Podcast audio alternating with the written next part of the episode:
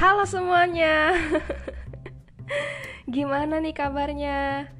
Ngomong-ngomong kita udah selama satu tahun lebih ya Berada di situasi pandemi kayak gini Semoga kalian dalam situasi yang sangat baik dan sehat ya By the way, season kedua kali ini Gue mau membahas tentang relationship nih Siapa yang di sini sudah punya pasangan?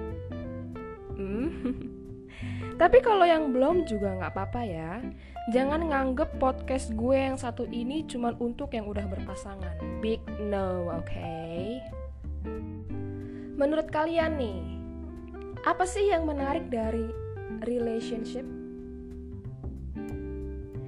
Terus atas dasar apa yang membuat banyak orang, mau itu perempuan atau laki-laki ya, memutuskan untuk memiliki relationship itu di dalam hidupnya.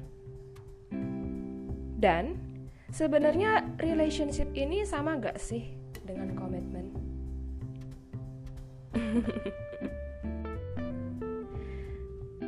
Gue bukan pihak yang benar-benar expert ya dalam bidang ini.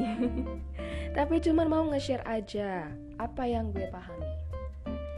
Keinginan gue untuk nge-share ini ke teman-teman semua itu berawal dari banyaknya uh, kenalan gue yang menganggap kalau lo nggak punya pacar lo nggak keren. Atau kalau lo nggak punya pacar lo nggak up to date. Dan masih banyak lagi pandangan-pandangan yang tersebar sehingga memiliki kesan yang kayaknya buruk banget gitu kalau lo nggak punya pasangan atau pacar.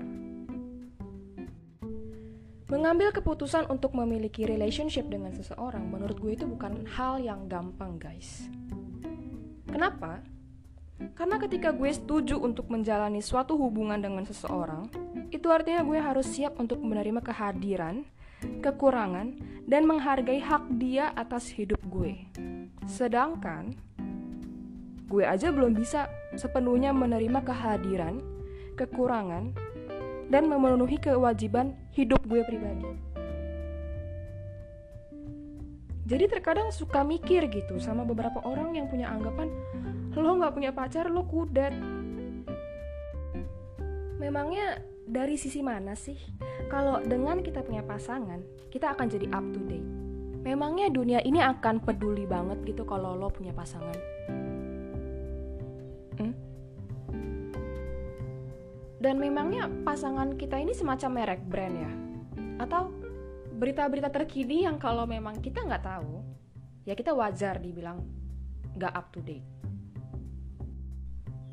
Bukannya pasangan itu adalah teman yang seharusnya bisa melengkapi kekurangan kita dan wadah supaya kita saling bertumbuh.